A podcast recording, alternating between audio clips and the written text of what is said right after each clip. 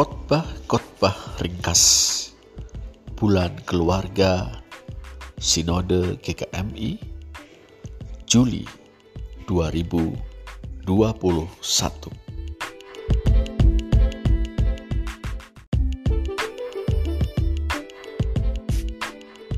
Ex Familia Veritas. Dari keluarga muncul kebenaran.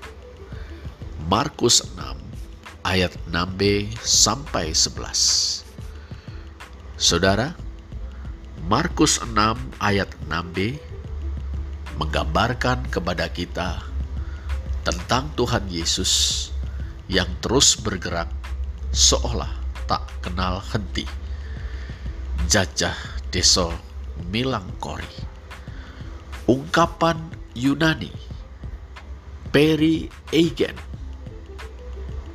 berkata dasar periago mengambil bentuk imperfect indikatif aktif mengindikasikan bahwa ia terus berjalan keliling dari desa ke desa. Demikian juga ungkapan didaskon yang merupakan bentuk present participle aktif dari Didasko mengindikasikan bahwa ia terus mengajar. Kita ingat kata-kata Yesus dalam Markus 1 ayat 38. Marilah kita pergi ke tempat lain, ke kota-kota yang berdekatan, supaya di sana juga aku memberitakan Injil karena untuk itu aku telah datang. Jelas Yesus tahu persis tujuan kedatangannya, yaitu untuk memberitakan Injil, memberitakan kabar gembira tentang kerajaan Allah, yaitu bahwa kerajaan Allah sedang mendatangi dunia untuk menyelamatkan orang berdosa dan tertindas. Dengan konsisten, istiqomah, Yesus mengerjakan misinya. Ia konsekuen. Menarik, rupanya Tuhan Yesus tidak ingin bekerja sendirian. Ia ingin memperluas jangkauan pelayanannya. Ia ingin agar semakin banyak orang mendengar kabar baik tentang kerajaan Allah. Itulah sebabnya ia melibatkan kedua belas muridnya. Yesus memanggil dan mengutus mereka. Ia membentuk enam kelompok yang masing-masing terdiri dari dua orang. Maksudnya, tentu supaya mereka bisa bekerja sama, saling menguatkan, dan saling menolong sebagaimana dikatakan dalam pengkhotbah 4 ayat 9 sampai 12 dalam melaksanakan misi yang diamanatkannya kepada mereka. Tapi terutama sebagaimana ditegaskan oleh Taurat yaitu Ulangan 17 ayat 6 dan 19 ayat 15. Dua orang adalah jumlah minimal saksi yang dapat dipercaya. Yesus juga memberi mereka kuasa atau otoritas exousia bahasa Yunaninya atas roh-roh jahat yang merupakan manifestasi kuasa yang menindas manusia berdosa. Demikianlah sampai saat ini pun Yesus yang memanggil kita untuk maksud pelayanan memperlengkapi kita dengan rekan sekerja dan kuasa. Kita tidak diutus dengan tangan hampa. Saudara, sebagaimana Tuhan Yesus, para murid kemudian pergi jajah deso Milangkori. Mereka memberitakan Injil, kabar gembira kabar baik tentang kerajaan Allah. Mereka mengajak orang untuk bertobat, mengusir setan-setan, dan menyembuhkan banyak orang sakit dengan mengoleskan minyak kepada mereka. Demikianlah Tuhan Yesus dalam tanda petik melipat gandakan dirinya. Artinya, melalui murid-muridnya, ia memberitakan kabar baik itu kepada lebih banyak orang dan menyelamatkan lebih banyak orang yang berdosa dan tertindas. Dalam pada itu, sangat menarik dan penting bagi kita untuk memperhatikan tiga pesan Tuhan Yesus kepada para murid sebelum melepas mereka pergi. Pesan yang pertama,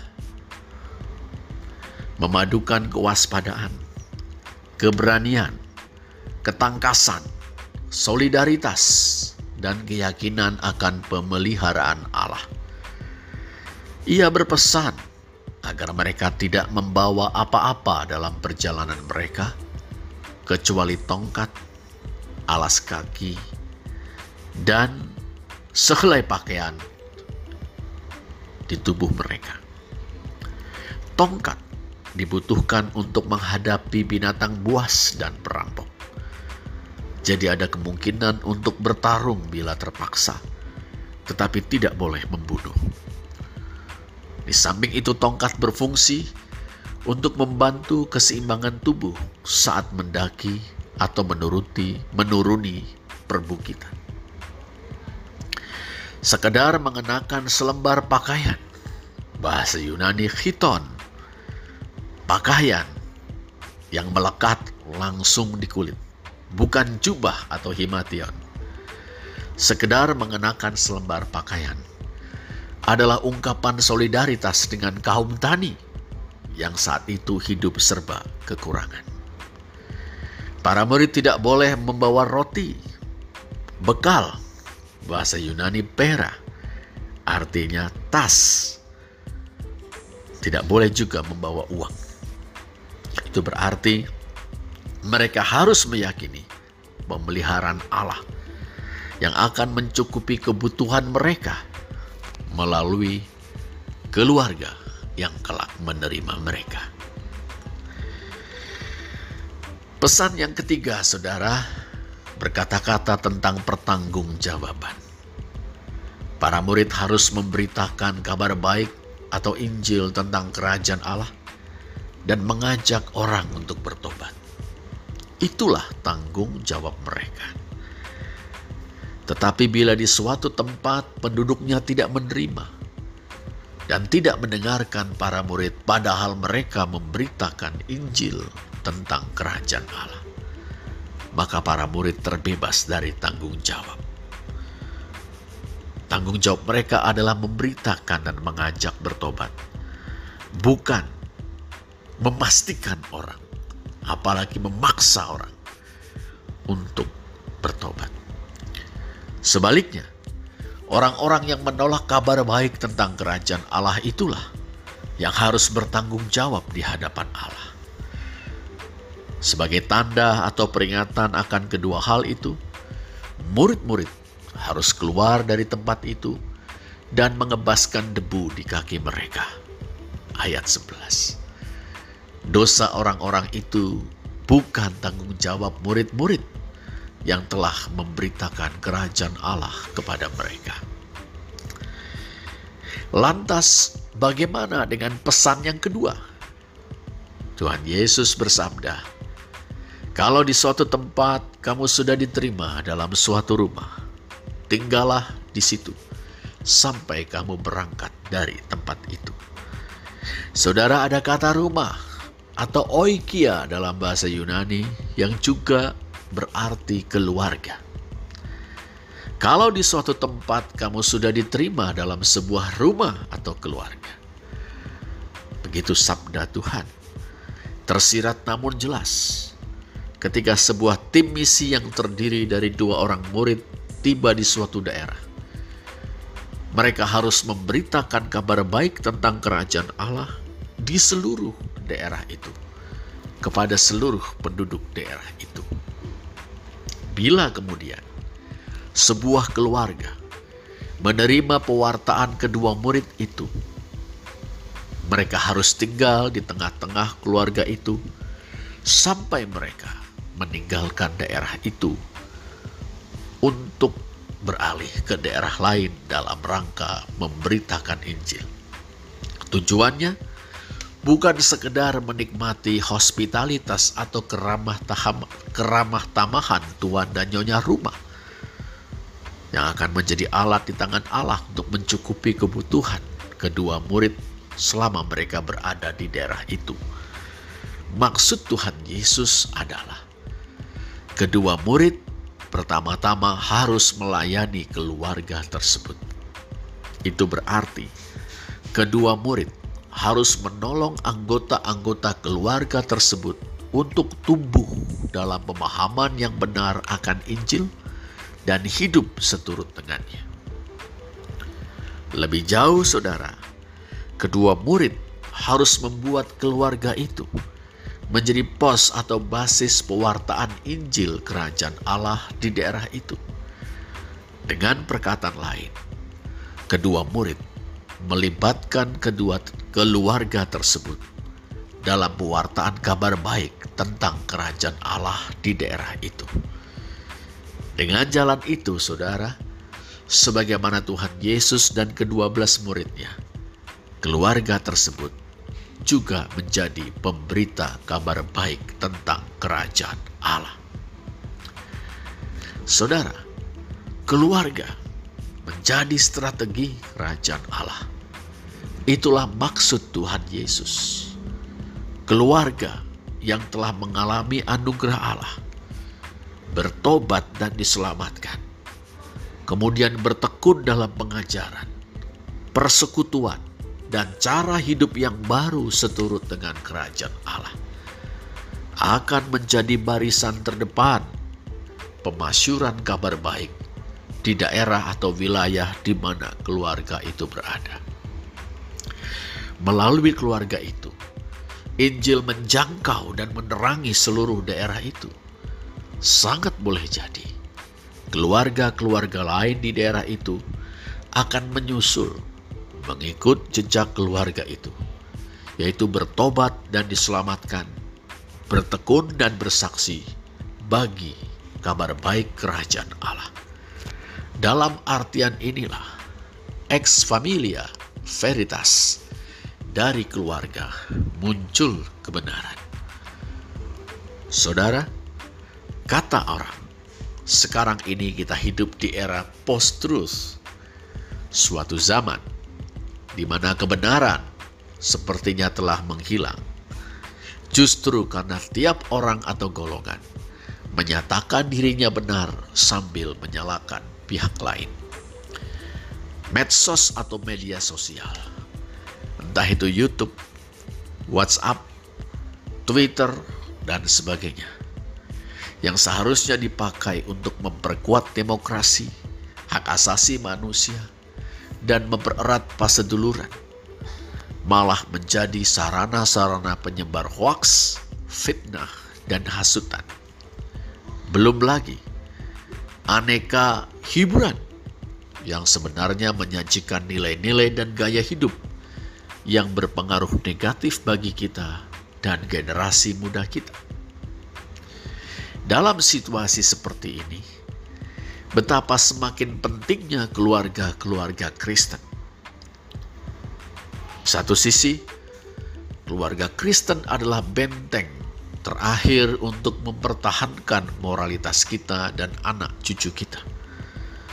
Sebab dalam keluarga Kristenlah cinta dan kasih sayang, penghormatan kepada orang tua, perlindungan kepada anak-anak, kesetiaan kepada pernikahan, kejujuran dan jerih payah untuk kesejahteraan bersama diperjuangkan senyata-nyatanya. Bahkan tanpa keluarga Kristen, gereja seperti tidak memiliki tulang punggung. Di sisi lain, saudara, keluarga Kristen adalah sekolah utama untuk mendidik generasi yang kelak akan menjadi penerus perjuangan gereja. Pelayan-pelayan Tuhan yang setia, pembangun dan pembaru masyarakat, pekerja-pekerja sosial, pejuang-pejuang kemanusiaan, bahkan pemimpin bangsa dan negara. Saudara, dari keluarga muncul kebenaran. Ex familia veritatis. Mari kita rawat dan pelihara keluarga kita seturut dengan kebenaran firman Tuhan. Kita perbaiki apa yang selama ini berjalan secara keliru. Kita lengkapi apa yang selama ini masih kurang kita hangatkan kembali kasih yang sudah mulai mendingin. Kita tingkatkan apa yang selama ini sudah baik. Mari kita jadikan keluarga-keluarga Kristen kita sebagai basis pewartaan Injil tentang kerajaan Allah yang menjangkau seluruh daerah di mana keluarga-keluarga kita berada. Dengan Injil keselamatan itu dengan Injil Kerajaan Allah itu bagi kemuliaan Allah. Amin.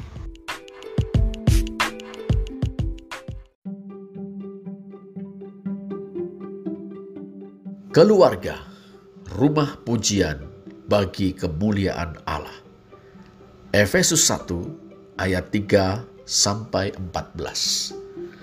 Saudara, dalam surat Efesus kita memiliki potret keluarga berada dalam masyarakat Yunani Romawi pada zaman gereja awal.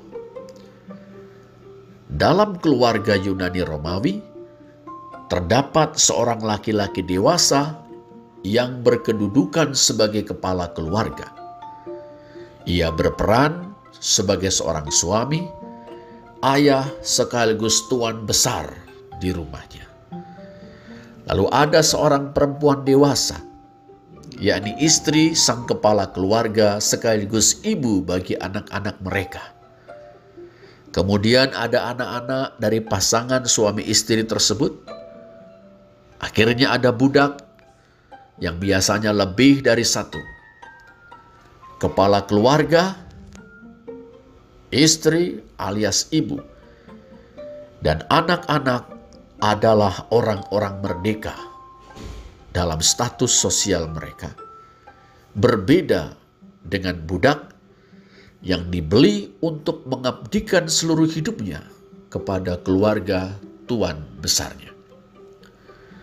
Bagi keluarga-keluarga Yunani Romawi, berlaku aturan kerumah tanggaan, kita namakan house tafel yang menekankan kewajiban istri kepada suami, kewajiban anak kepada orang tua, dan kewajiban budak kepada tuan besarnya.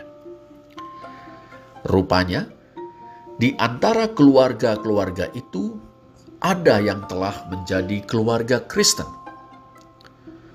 Baik kepala keluarga maupun semua anggotanya telah percaya kepada Tuhan Yesus termasuk para budak. Melalui baptisan, tiap-tiap orang di antara mereka telah dipersatukan dengan Kristus dan tubuhnya, yaitu jemaat atau gereja.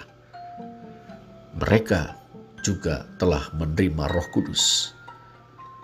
Melalui baptisan masing-masing, telah menanggalkan manusia lama dan mengenakan manusia baru. Efesus 4 ayat 22 sampai 24.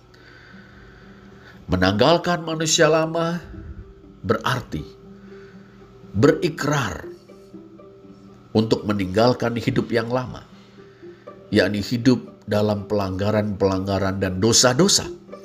Efesus 2 ayat 1 sampai 3. Mengenakan manusia baru berarti berikrar untuk menjalani hidup yang baru yakni hidup dalam pekerjaan-pekerjaan baik.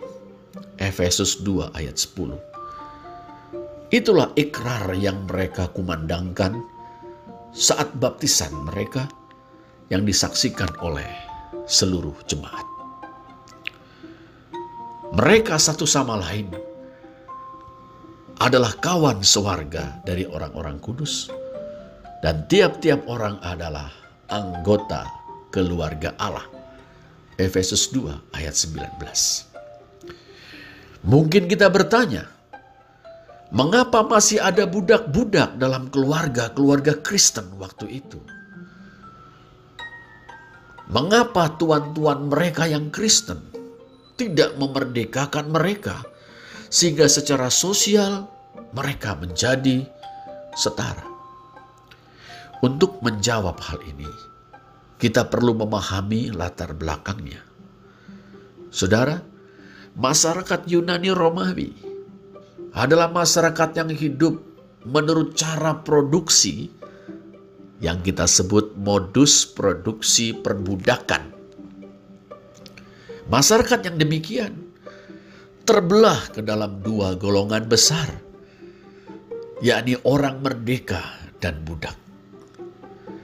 Orang merdeka terbagi lagi di antara kaum kaya raya pemilik budak dan orang biasa yang terdiri dari para pemilik tanah kecil, pengrajin, pedagang, dan kaum buruh. Orang biasa harus bekerja mencari nafkah.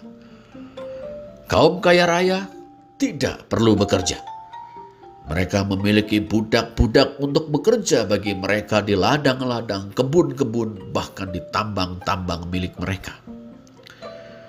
Mereka menggunakan waktu luang mereka untuk menikmati kesenian, belajar filsafat, dan berpolitik.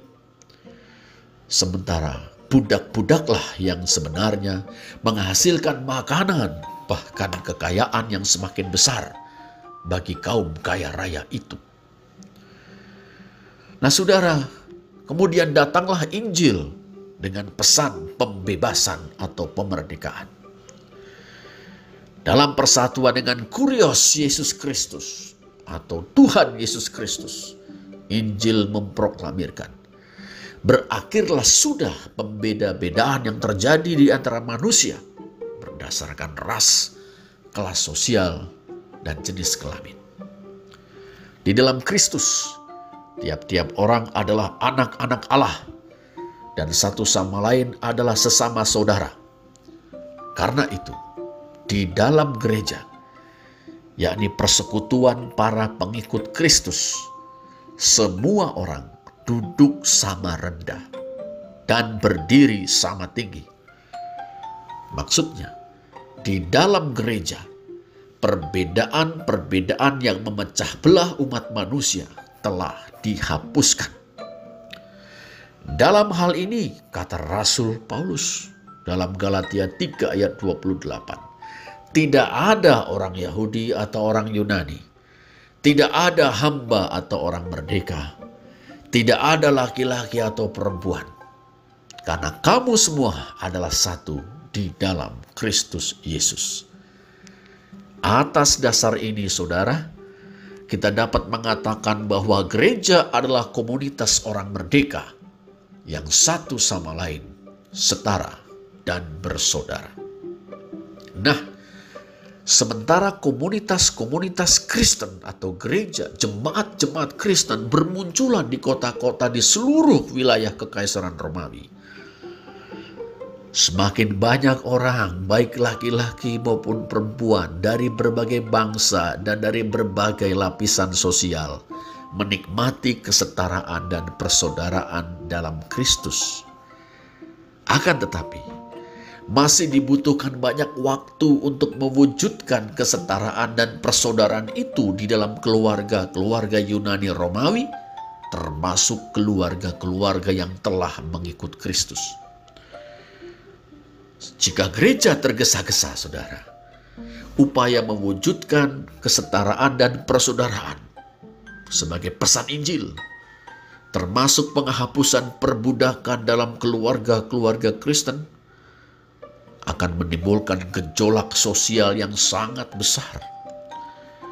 Di pertengahan atau akhir abad pertama sesudah Kristus, tentu keluarga-keluarga Yunani Romawi tahu persis tentang pemberontakan para budak yang dipimpin oleh Spartacus lebih kurang seabad sebelumnya, tahun 73 sampai 71 sebelum Kristus. Dalam pada itu, saudara, gereja tidak berpangku tangan. Gereja berusaha memanusiawikan hubungan-hubungan di dalam keluarga Kristen yang notabene keluarga Yunani Romawi yang telah menjadi pengikut Kristus. Kita bisa melihat upaya ini misalnya dalam surat Filemon, di mana Rasul Paulus menasihati Filemon untuk menerima Onesimus budaknya. Bukan lagi sebagai hamba atau sebagai budak, melainkan lebih daripada budak, yaitu sebagai saudara yang kekasih. Filemon ayat 15 dan 16. Dalam surat Efesus, penulis mewarnai Haustafel Yunani Romawi dengan prinsip-prinsip Kristen. Haustafel ala keluarga Kristen tidak hanya mengatur kewajiban pihak yang lebih rendah kepada pihak yang lebih tinggi, yaitu istri kepada suami, anak-anak kepada orang tua mereka, dan para budak kepada tuan besar mereka. Tetapi mengajarkan kewajiban timbal balik Demikianlah istri harus tunduk hupotasu, yaitu mengakui dan menerima otoritas suami. Efesus 5 ayat 22. Tetapi suami harus mengasihi istrinya, bahkan siap berkorban, menyerahkan baginya. Sebagaimana Kristus mengasihi gereja dan telah berkorban untuk menyelamatkannya. Efesus 5 ayat 24. Anak-anak harus menaati orang tua mereka di dalam Tuhan Efesus 6 ayat 1. Tetapi para ayah atau bapak tidak boleh membangkitkan amarah di hati anak-anak mereka. Alih-alih para ayah atau bapak harus mendidik anak-anak mereka dalam ajaran dan nasihat Tuhan. Efesus 6 ayat 4. Para budak harus menaati tuan mereka dengan tulus. Efesus 6 ayat 5. Tetapi tuan-tuan besar harus memperlakukan budak-budaknya secara manusiawi karena menyadari bahwa pada dasarnya baik tuan maupun budak sama-sama mengabdi kepada Tuhan yang sama yaitu Kristus yang adil dan tidak membeda-bedakan orang. Efesus 6 ayat 9. Demikianlah saudara, dengan jalan itu gereja sedang berusaha memperbarui hubungan-hubungan di dalam keluarga-keluarga Yunani Romawi yang telah mengikut Kristus. Bila keluarga-keluarga itu menghidupinya, mereka akan menjadi kesaksian yang jelas, bahkan berdampak bagi keluarga-keluarga Yunani Romawi lainnya. Dengan semakin meluasnya pola hubungan yang bersifat manusiawi itu, semakin besar pula peluang untuk menghapuskan perbudakan. Dan semakin terbuka juga peluang untuk menempatkan perempuan dalam kedudukan setara dengan laki-laki, baik dalam keluarga maupun masyarakat. Saudara, kita dapat menghubungkan pola hubungan dalam keluarga Kristen ini dengan doksologia atau kidung pujian, syair pujian kepada Allah dalam Efesus 1 ayat 13 ayat 3 sampai 14. Memuji Allah yang disebutnya Bapa Tuhan kita Yesus Kristus, doksologia menyatakan bahwa dalam Kristus Allah telah mengaruniakan kepada kita segala berkat rohani di dalam surga. Apakah artinya istilah dalam Kristus atau en Kristo itu. Artinya, dalam persatuan dengan Kristus. Inilah sesungguhnya hakikat dari keselamatan kita, yakni bahwa kita dipersatukan dengan Kristus. Pertama, persatuan dengan Kristus itu berakar di dalam kekekalan. Efesus 1 ayat 4 sampai 6. Allah telah memilih kita dalam Kristus sebelum dunia dijadikan. Dalam memilih kita, Allah melihat anaknya yang telah ditetapkannya sebagai kepala atas segala sesuatu, baik yang ada di sorga maupun yang ada di bumi. Seturut dengan ketetapan itu, Allah memilih kita dan memberikan kita kepada Kristus supaya kita menjadi miliknya. Tujuan Allah adalah supaya kita menjadi seperti Kristus yakni menjadi anak-anak Allah yang kudus dan tak bercacat di hadapannya.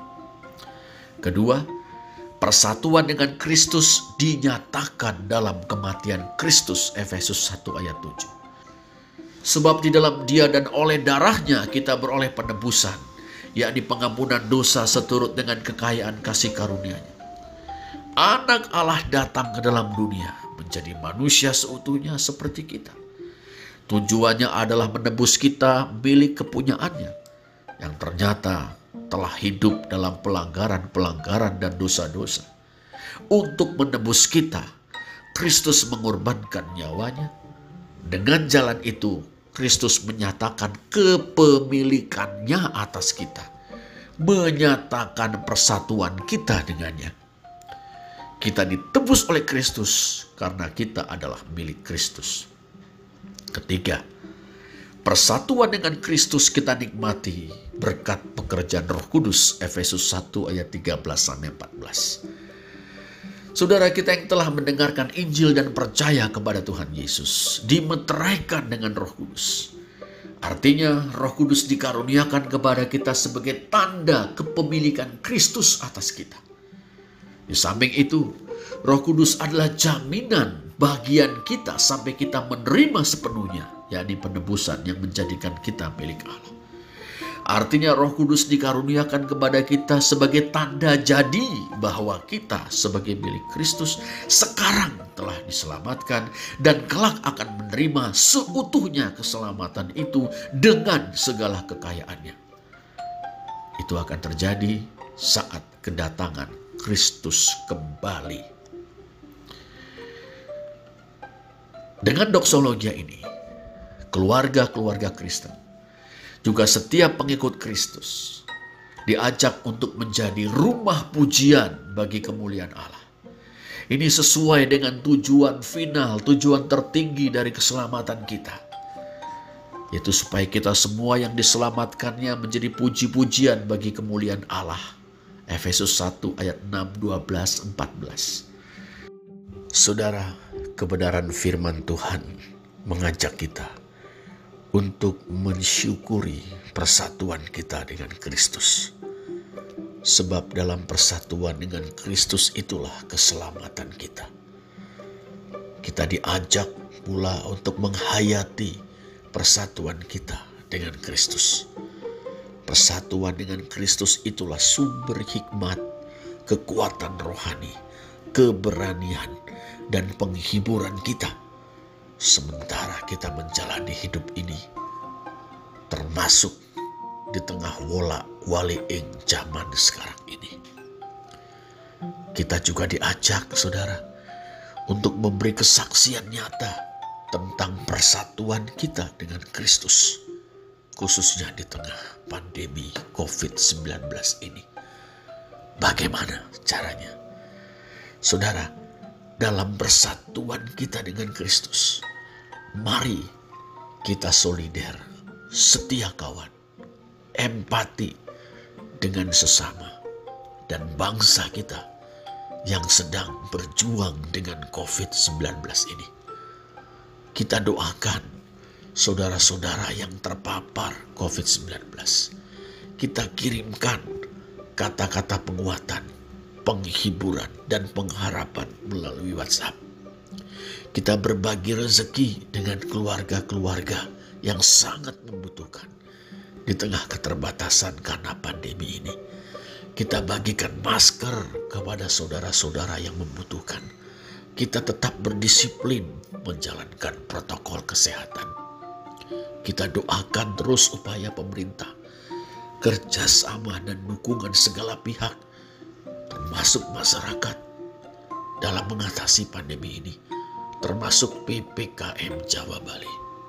Kita yang membuka usaha di bidang alat-alat kesehatan, jangan gunakan situasi yang mengancam kemanusiaan ini sebagai kesempatan untuk menimbun keuntungan pribadi.